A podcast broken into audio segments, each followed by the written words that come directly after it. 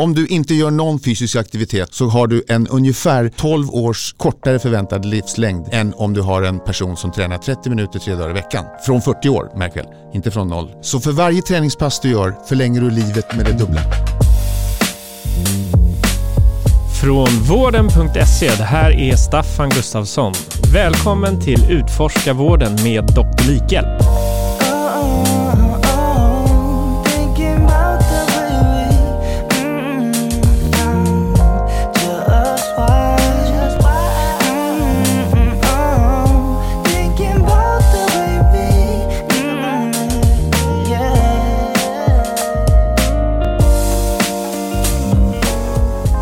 Dagens podd reder vi ut det här med prickar. Och vad säger egentligen Sveriges egen soldoktor om solning? Och ska man eh, börja semestern med att gå till solariet för att få den här lilla grunden att stå på? Under de senaste månaderna så har det diskuterats väldigt mycket om hur livsstil och sjukdomar hänger ihop med corona. Vi kommer att prata om olika riskfaktorer och vad man själv kan göra för att påverka sin egen hälsa. Och självklart så får jag även höra hur Dr. Mikael själv tränar. Det finns en person som på ett bra sätt kan förklara hur saker och ting fungerar. Som kan få det där lite svåra och bli greppbart. Jag välkomnar och riktar därför micken mot Dr. Mikael med bakgrund som överläkare i intensivvård och anestesi. Mitt namn är Staffan Gustafsson. Välkommen till Utforskarvården med Dr. Mikael.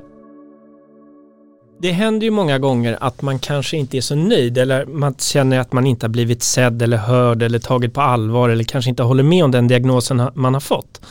Eh, vi får ju höra från allt fler av våra besökare och som undrar hur man ska göra för att kunna få en andra åsikt eller en second opinion. Hur ser du på det ämnet? Man har ju alltså en rätt till det, det känner inte folk till. Det vet eh, läkare om. Behövs en second opinion så ska ju i så fall läkaren, tycker jag nu då, initiera den men det är ju jättebra.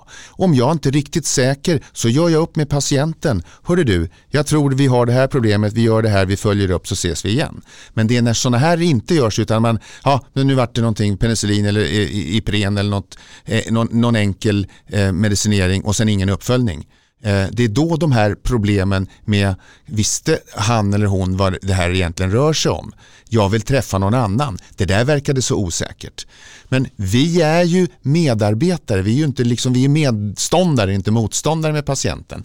Så att det är väldigt viktigt att man försöker till att börja med om man orkar som patient och inte är så sjuk, säga att hörru du, det här känns osäkert. Har du någon kollega att prata med? Det bästa, men det kräver en del kurage, det förstår jag. Men man har rätt till den. Man, även, och man bör vända sig till, till doktorn eller till mottagningen eh, och säga att jag vill, ha, att jag vill att man kollar det här och det här och det här. Då kan man ju egentligen inte säga nej. För det, det kommer in på ämnet som en av, annan av våra besökare, en fråga de har skrivit in, det är att har jag rätt att byta läkare? Ja, ja precis. Svaret är ja. Men undantaget är, eh, det här är ju en extremt känslig fråga då förstås, om någon kan, kan jag som är i en akut gynekologisk situation när det störtblöder kan jag säga att jag vill inte ha en man. Eller en, en, eh, jag vill inte ha en kvinna. Eh, de flesta vi försöker styra inom vården på alla nivåer så mycket vi bara kan. Jag har blivit kallad arsel och skithög. Det kan jag hantera ta någon annan så då är förutsättningarna bättre. Det är inte personligt. Men om man har rätten, men i det akuta läget så finns det inte alltid en av varje sort att tillgå. Men på, på en vårdcentral, om man är missnöjd, så har man full rätt att byta läkare. Jag har en fråga till dig. Mm. Eh, som, det har faktiskt jag stött på själv, så jag blev lite nyfiken. Och jag vet ja. inte om du vet vad som gäller. Men jag behöver gå en gång i kvartalet och lämna blodprov för att hålla koll på mina njurar. Ja. Och eh, så gick jag, och jag brukar ta det labb som ligger närmast. Det ska vara bara vara ett Karolinska labb. Så har det varit hittills. Men nu kom jag till en vårdcentral och då frågade de om jag var listad där. Ja. Och då sa nej det är jag ju inte. Nej. Och jag blev utkörd. Det, det är fel. Vad skulle jag ha sagt till den sjuksköterskan där som körde ut mig? Eh, de kan säga så här, vi har så många listade att du får vänta på, i kö, eh, men för ett blodprov så ska vi säkert kunna hjälpa dig. Det är alltså, vi, vi har ju en vilja av att hjälpa. Eh, men du har rätt att söka var du vill eh, och är det här något, en, ett, något som ska en, en, som du säger ska ske var tredje månad för en uppföljning. Då, då, är du, då har du rätt att göra det. Det smartaste är ju naturligtvis då att därifrån du flyttar säga att nu överförs uppföljningarna någon annanstans. Då slipper man ju hela konflikten. Vi har fått en ganska tydlig fråga här och den lyder så här. Hur fungerar listning? Frågetecken. Och vad är det? Listning är ett system för att få det som jag så gärna ville ha. Det vill säga kontinuitet och uppföljning och tillgänglighet också om man har, nu är det olika på olika nivåer, men man har 1500, 2000, 2500 patienter. Man tycker att det här, den här vårdcentralen ligger så bra, det är hit jag vill gå för att förhoppningsvis kunna träffa samma läkare igen. De flesta ställen där man listas, då listar man på vårdcentral, inte på specifik doktor. Men sen så försöker man inom vårdcentralen att eh, om du går hos doktor Nils eller doktor Emma så, vill, så sätter vi upp dig igen för det här är ett uppföljningsbesök besök. Och sen så eh, om någon är sjuk eller sådär så eh, läkare blir sjuk också gubevars så då måste man justera det. Men syftet är att man ska ha kontinuitet. Men man, det betyder inte att man går före i kön. Det är väldigt viktigt att säga det. Utan ja men jag är listad, då ska jag gå före, du får vänta bakom mig här. Nej, så är det inte. Är alla listade någonstans? Nej, det är man inte. Jag är inte listad eh, och det behöver man inte göra. Man kan lista sig precis var som helst. Eh, och, men då finns det ju ett kösystem då. Sådär. Så det, det finns ju en, en, ett naturligt sätt att man väljer inte allt för långt bort.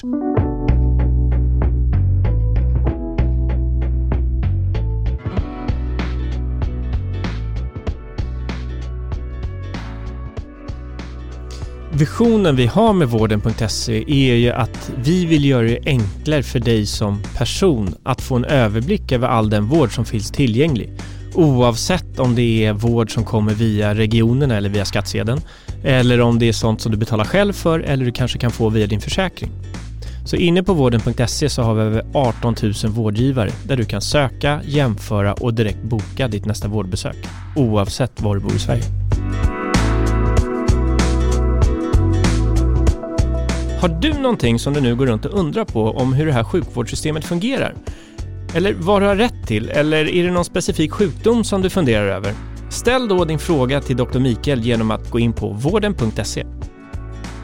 Vi har ju såklart fått många frågor som har med corona att göra på ett eller annat sätt. Ja. Och en fråga vi fick här, det måste vara en småbarnsförälder. För att nu är det ju vår och det är förkylningstider. Ja. Och det är ju väldigt lätt att näsan börjar rinna på de små.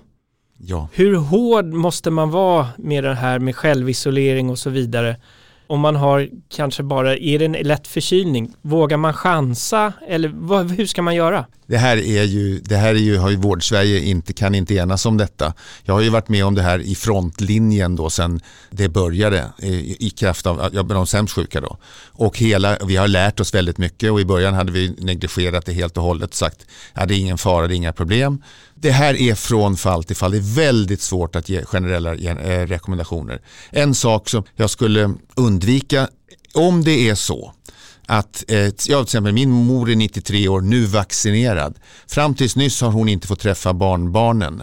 För det är en jätterisk, men jag är lite snorig. Det går inte att särskilja med en klinisk blick. finns inte så duktiga doktorer. Och du kan inte ens med blodprover och röntgen och vad du vill säga att det här barnet har covid, eh, är, är symptomfri, lite snuva men är smittbärare. Eller du kan inte isolera, äh, särskilja dem åt. Eh, så att det, det, blir väldigt svårt. Men är det så att, man, att barnen på något sätt skulle utsätta folk för risk att se, träffa någon annan, då tycker jag man ska vara väldigt hård i sin bedömning. Är det så att man, ska, man har lite snuva och då ska man hålla den hemma så den inte kan gå till fritids? Nej, det ska man inte göra. Eh, all, och det finns ju andra sjukdomar än covid då eh, och, och eh, vi, vi, måste ju leva liksom. Så att då tycker jag att då, då är det samma gamla vanliga sunda förnuft som råder. Om man ska ha fritid så man behåller sig till den vanliga kretsen. Så att man kan säga att vid eh, kontakt med riskgrupper så ordinerar återhållsamhet? Mm, ja, starkt fortfarande gör jag det tills vaccinationen eh, har slagit igenom helt och hållet. Men de små kan gå ut och spela fotboll med grannarna? Ja, det kan de göra.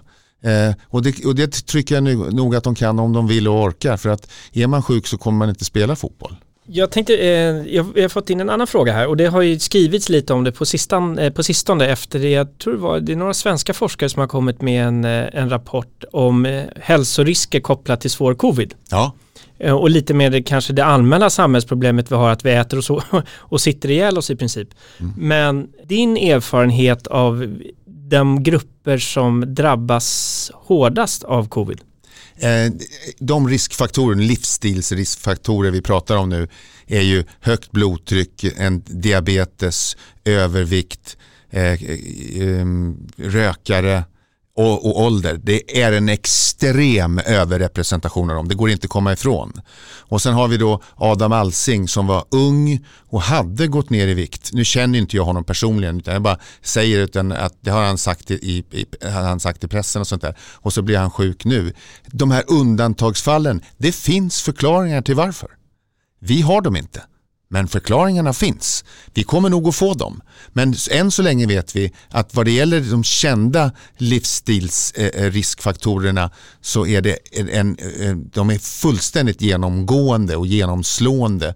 Det är där den stora bulken av svårt sjuka och döda finns. Du nämnde riskfaktorer vid svår covid. Vad kan man ta ansvar eller kanske hjälp med sin läkare för att förebygga den delen? Vad är det stort sett det enda vi inte kan köpa under vår vandring på jorden.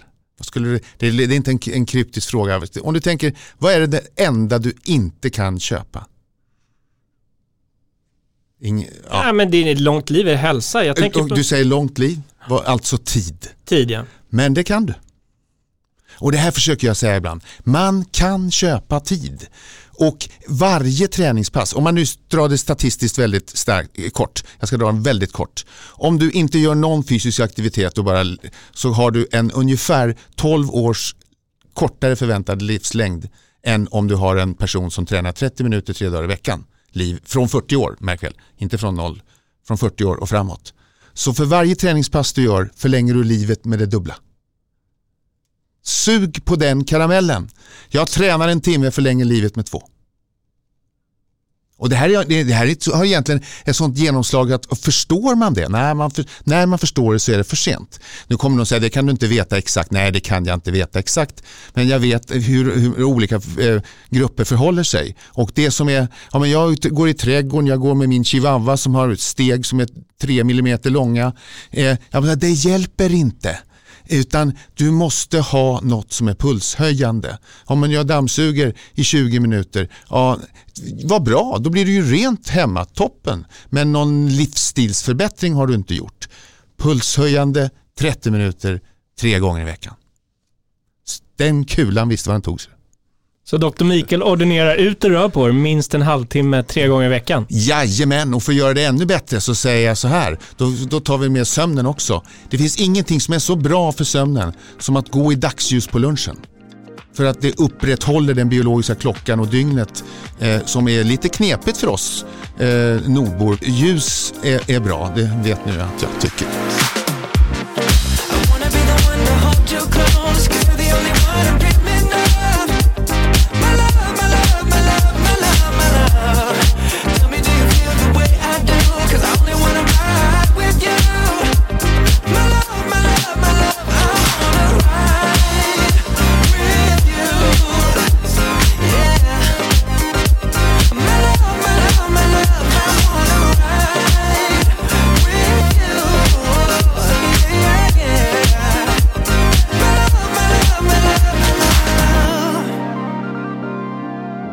Men vad säger man då till alla de som står på gymmet utan att svettas men bara bygger muskler? Jättebra, då är det, det är ett komplement. Och det är inte alls tokigt och det gör ju så att din ämnesomsättning går upp lite. Du kommer alltså ha en högre grund, basalmetabolism kallar vi det för. Men alltså, och det är jättebra eh, och det är skydd eh, mot olyckor. Och det, eh, så att, det jag säger ingenting. Eh, jag tränar själv styrketräning. Det finns ett litet inslag av fåfänga. Det är fina grejer. Det är inte fel. Men man kompletterar då detta med något pulshöjande. Så att, det vet ju alla, om du tränar styrketräning 30 minuter, det är ju en tredjedel du förbränner jämfört med om du joggar 30 minuter. Så det är stor skillnad vad det gäller förbrukning. Nu är det ju inte energiförbrukning bara man pratar om när man pratar om livsstilsfaktorer. Utan det är, det är bra att träna men man, man ska ju komma ihåg att man, man tränar sig smart. Det är vetenskapligt bevisat numera att du blir smartare, hjärnan mår bättre, du har mindre stroke om du har lite flöde i knoppen. För visst är det väl så att man kan till och med få träning ordinerad? Ja, det är alldeles riktigt. Det heter FAR eller fysisk aktivitet på recept. Hur fungerar det? Eh, jo, alltså det är när man kommer överens om, det är oftast de som skriver ut det är distriktsläkare eh, och då säger man att det här, är det här är viktigt och så kan man då få göra det på olika sätt och ibland så kan man få det billigare till exempel eller få stöd för att man får vara med i speciella grupper då och så. Vi vill tacka våra sponsorer som gör det möjligt att göra den här podden som utbildar om hur det svenska vårdsystemet fungerar. Kry är här för de unga och för de evigt unga. För alla er som bor på landsbygden och för dig som bor i stan. Vi är med dig när livet är tufft, men också när det är som allra bäst. Vi är Kry och vi är här för att hjälpa dig med dig. Min fru är på mig och familjen mycket hemma eh, vid middagen att vi inte ska äta för mycket kött och vi ska varierat och, eh, och vi ska äta grönt och så vidare. Men vad är det i livsstilen som har störst negativ påverkan på hur man mår och hur man lever? Eh, det enskilt, det är nog upp till individen hur, för eftersom vi, har, vi är ju unika på många sätt men det absolut sämsta och farligaste skulle jag säga är fysisk inaktivitet. En smal person som inte rör sig kommer ändå ha en begynnande kronisk inflammation jämfört med någon som är lite överviktig, eh, som ser ut som mig ungefär eh, och är fysiskt aktiv. Då är det det senare det bättre. Så att fysisk inaktivitet, det är med framtida ledsjukdomar och allting, det är nog det sämsta eh, man kan tänka sig. Hur ofta tränar du? Jag tränar eh, när jag inte flyttar, då det, har det varit lite körigt men eh, tre gånger i veckan mm, det är det minsta. Men jag brukar göra som så. Förr körde jag eh, beachträning, det har jag slutat med av självklara skäl. Så nu kör jag varannan. Alltså antingen kardiovaskulär konditionsträning och sen styrketräning. Sen passar jag in dem och jag kommer i framtiden att köra ännu mer kondition. Men jag kommer inte ge upp användandet av muskler att köra styrketräning. När jag var liten så fick inte barn köra styrketräning, får de ju visst det. När jag, när jag var yngre så fick inte cancersjuka köra, träna styrketräning, klart de ska. Och nu så ska inte 90-åringar eller riktigt gamla träna, det är klart de ska det också. Vi, det, det är av godo att spänna en muskel. Hur viktigt är det att man har en partner med likasinnade intressen? Ja, jag har en partner som har en, eh, hon tränar väldigt mycket, lika mycket som jag i alla fall, men lite annorlunda. Och vi har nog olika drivkraft tror jag och, och, och, insikt. Men det är nog mer fokuserat på rörelse än styrka skulle jag säga. Det var snällt sagt. Jag var, det, det, det är mycket stretching och töjning och rörelseomfång och ganska lite att ta i.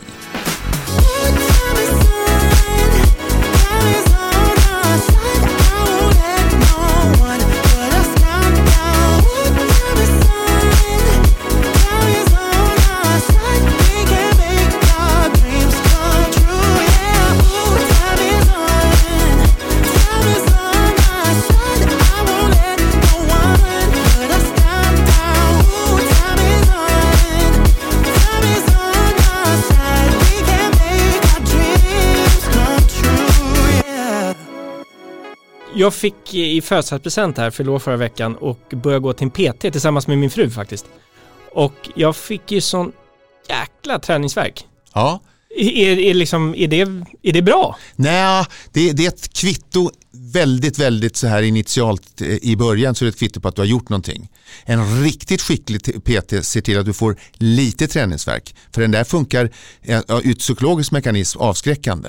Eh, och sen så är träningsverk inte, jag upprepar, inte ett mått på hårt du har tränat. Det kommer att försvinna det där med tiden. Har du kört tre gånger i veckan i fyra veckor så kommer du inte ha träningsverk längre. Men då är det ju ingen idé att jag måste köra hårdare. Nej, utan upprätthåll du det här så kommer du få muskeltillväxt och sänka blodtrycket och få bättre blodbild i alla fall.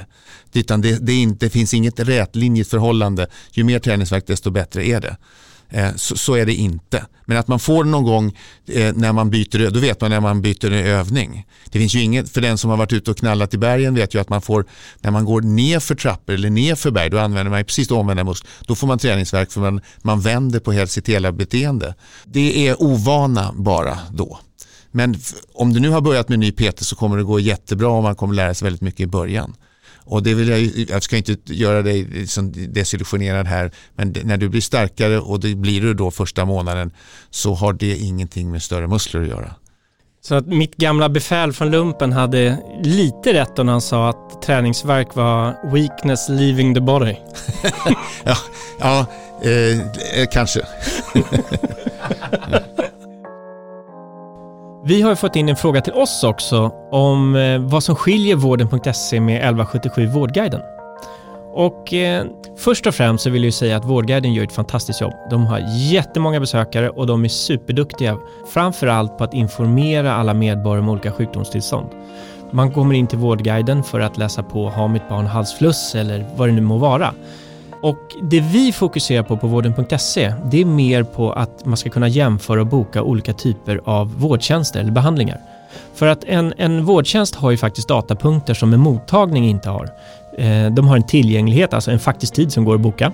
De har ett pris och de har många gånger en specifik utövare. Och tittar man på oss som konsumenter eller patienter så är det faktiskt många gånger det man är ute efter. Man vill inte bara boka en klinik utan man vill faktiskt boka en specifik sak. Tänk dig att du är ute och näthandlar. Du kommer in till en, en webbutik och de har olika kategorier. De har friluftskläder, de har skidkläder. Du vill ju faktiskt se de olika märkena också, vilka olika modeller som finns. Och det är väl en av skillnaderna mellan oss och 1177 Vårdguiden. Och sen så kanske den största skillnaden är ju gentemot vårdgivarna.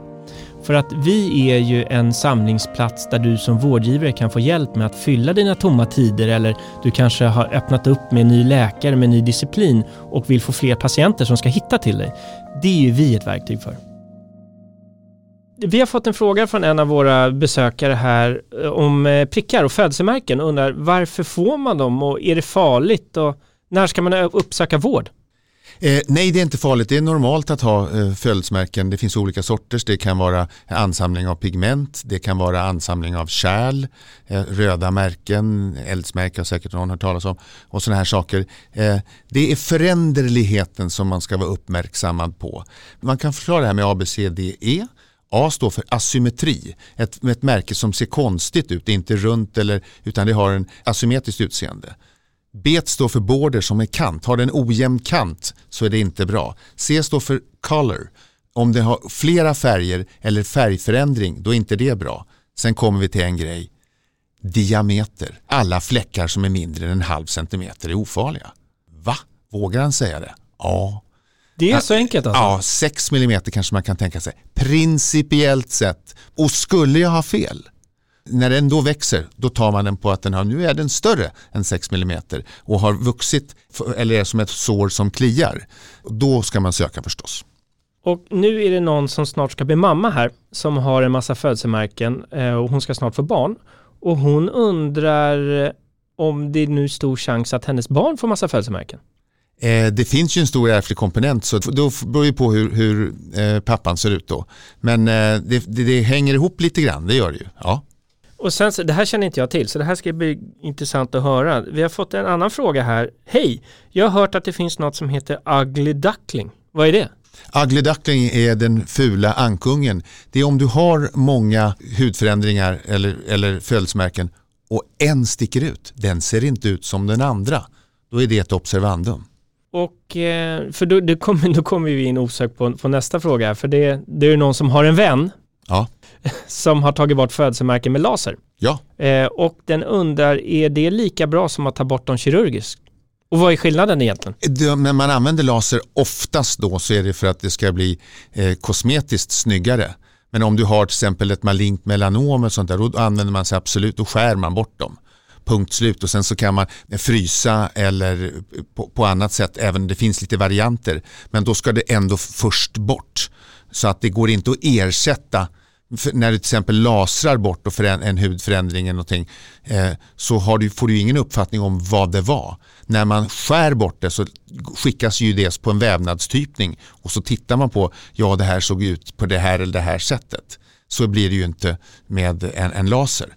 Sen när det gäller behandling av vissa födelsemärken med laser så är det fullständigt överlägset med laser vad det gäller kärlförändringar. För man får kärlen att koagulera, då finns det ingen blod i kärlet och då bleknar eh, födelsemärket. Så ett par, tre, fyra, fem seanser av en, ett stort utbrett rött märke i ansiktet kan man nästan trolla bort.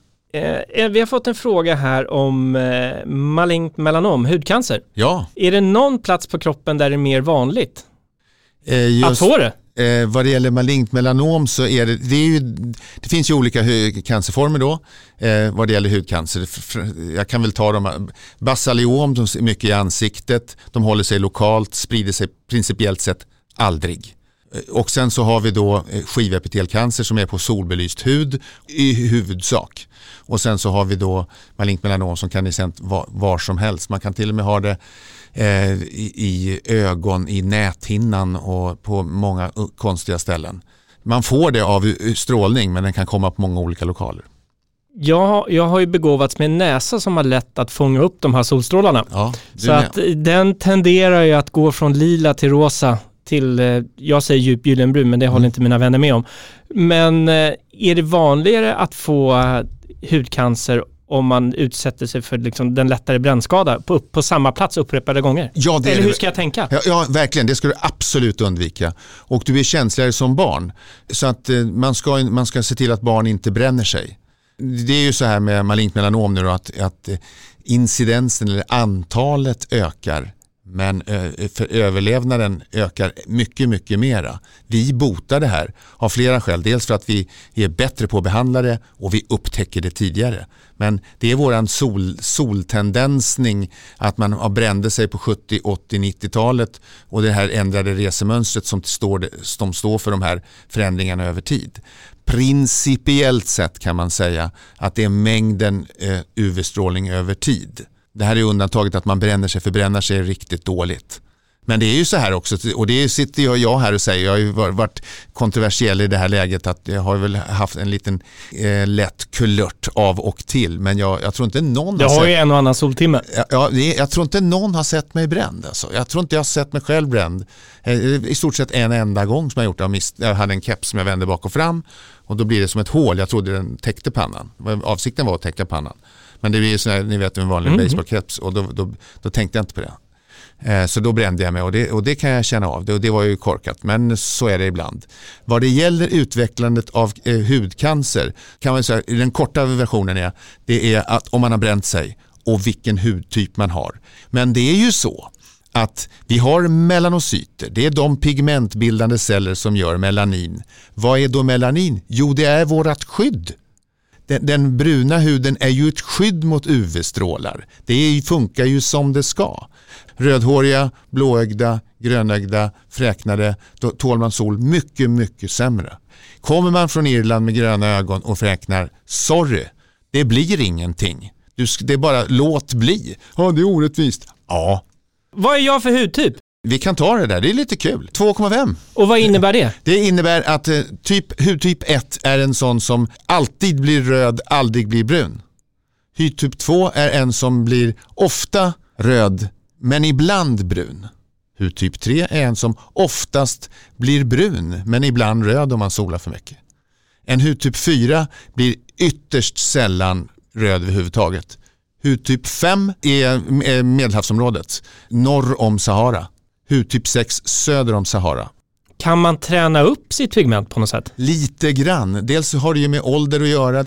Eh, gravida får ju då, man får mörka bröstvårtor, man får mörkare leverfläckar och sånt där. Och, de, och de bleknar inte sen efter graviditeten, det finns kvar. Så husmorstipset att man ska försola innan sommarsemestern i Grekland, det ett slag i luften. Ja, Nej, var kan ett- man gå till solarium Det var innan? det jag tänkte du skulle fråga. Ja, ja. Precis, solarium. Det är ju en annan, alltså det är ju lite mer UVA. Nu är det ju olika ljus. UVB och UVA finns i solljus. UVC försvinner i, atmosfären. UVA går lite djupare, förstör elasticiteten i huden. Och det här är ju mer sånt som finns i solarium. Och UVB retar och går grundare men ger oss våran solbränna då. Så att, att försola i solarium är det nej på. Det funkar inget bra. Men däremot så är ju hemligheten att börja försiktigt. Man får ta det stegvis alltså, helt enkelt. Så att man kan sammanfattningsvis säga att solariet inte är en genväg till en bra bränna.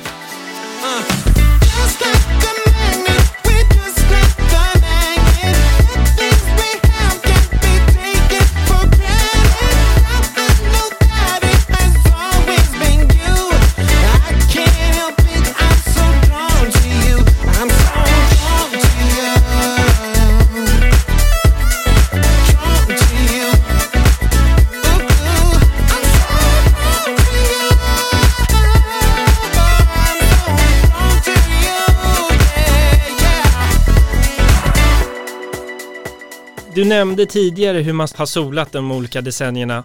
Som jag själv har växt upp, som du nämnde, på 80-90-talet så brände man ju sig varenda sommar. Hur ser du på solskyddsfaktor?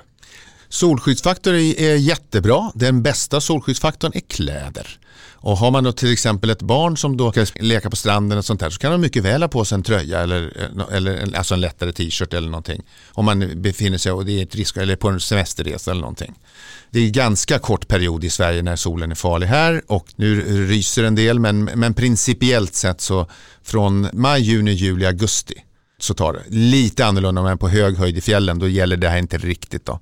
Svårigheten med solskyddsfaktor är, är att det blir väldigt ojämnt så man, man lurar sig lite grann. För att nå den här skyddsfaktorn som står eh, solskyddsfaktor 50 eller 30 eller vad det nu man har så måste man smörja mycket mer än vad man är van vid. Det blir väldigt ojämnt, man kommer inte åt. Så att man, må, man måste förstå det att det är väldigt svårt med den här reproducerbarheten. Sen att är det skydd, jag kan inte sitta som läkare och säga att det inte är bra att skydda sig mot UV-strålning, för det är det. Men man ska sola med måtta och man ska göra det med lite eftertanke och man ska veta jäkligt väl vilken hudtyp man har. Så då kan man styra efter det i mångt och mycket. Vad använder du för solskyddsfaktor? Och om jag säger det så då, då, då får det bli väldigt eh,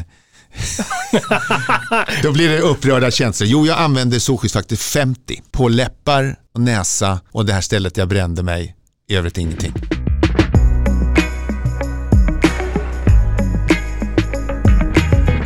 Solljus har ju andra effekter också.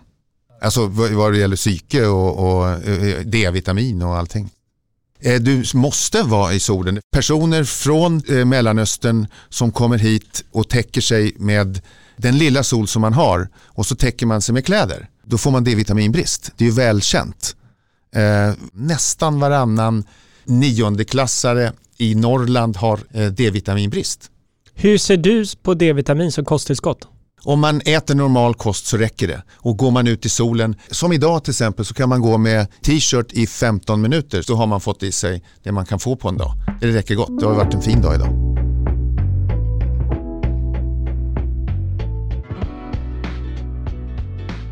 På vården.se finns fler än 18 000 legitimerade vårdgivare inom alla möjliga vårdområden. Och det är de här yrkesgrupperna som vi tycker förtjänar lite extra uppmärksamhet. Och den här gången så slår våra hjärtan lite extra hårt för alla barnmorskor. Ni är det första våra barn möts av. Ni har ansvar för vården av mamman, barnet, före, under och efter förlossningen. Och inte att glömma den viktiga utbildande roll ni har inom sexualupplysning, mödravård, förlossning och gynekologi. Har du någon barnmorska som haft en viktig roll i ditt liv? Eller kanske någon annan typ av vårdgivare som du vill hylla lite extra här i podden? Gå då in på vården.se eller skicka ett DM via Instagram.